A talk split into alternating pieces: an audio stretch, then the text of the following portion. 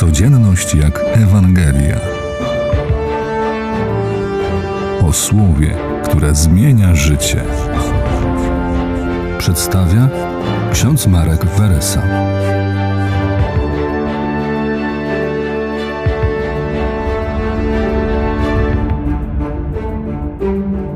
Zaprawdę upowiadam wam, wszystko, czego nie uczyniliście jednemu z tych najmniejszych, tego i mnie nie uczyniliście. Liturgia słowa pierwszego tygodnia Wielkiego Postu rozpoczyna się bardzo mocnym, wyrazistym akcentem. Jest nim opis sądu ostatecznego. W naszych wyobrażeniach co do kresu świata snujemy rozmaite scenariusze. Zapewne w głowach kłębi się pełno dziwnych wizji. Pan Jezus stawia akcent jednak zupełnie gdzie indziej.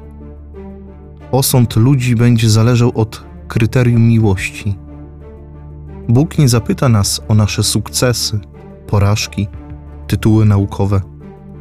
Być może nie zapyta nas o nasze grzechy.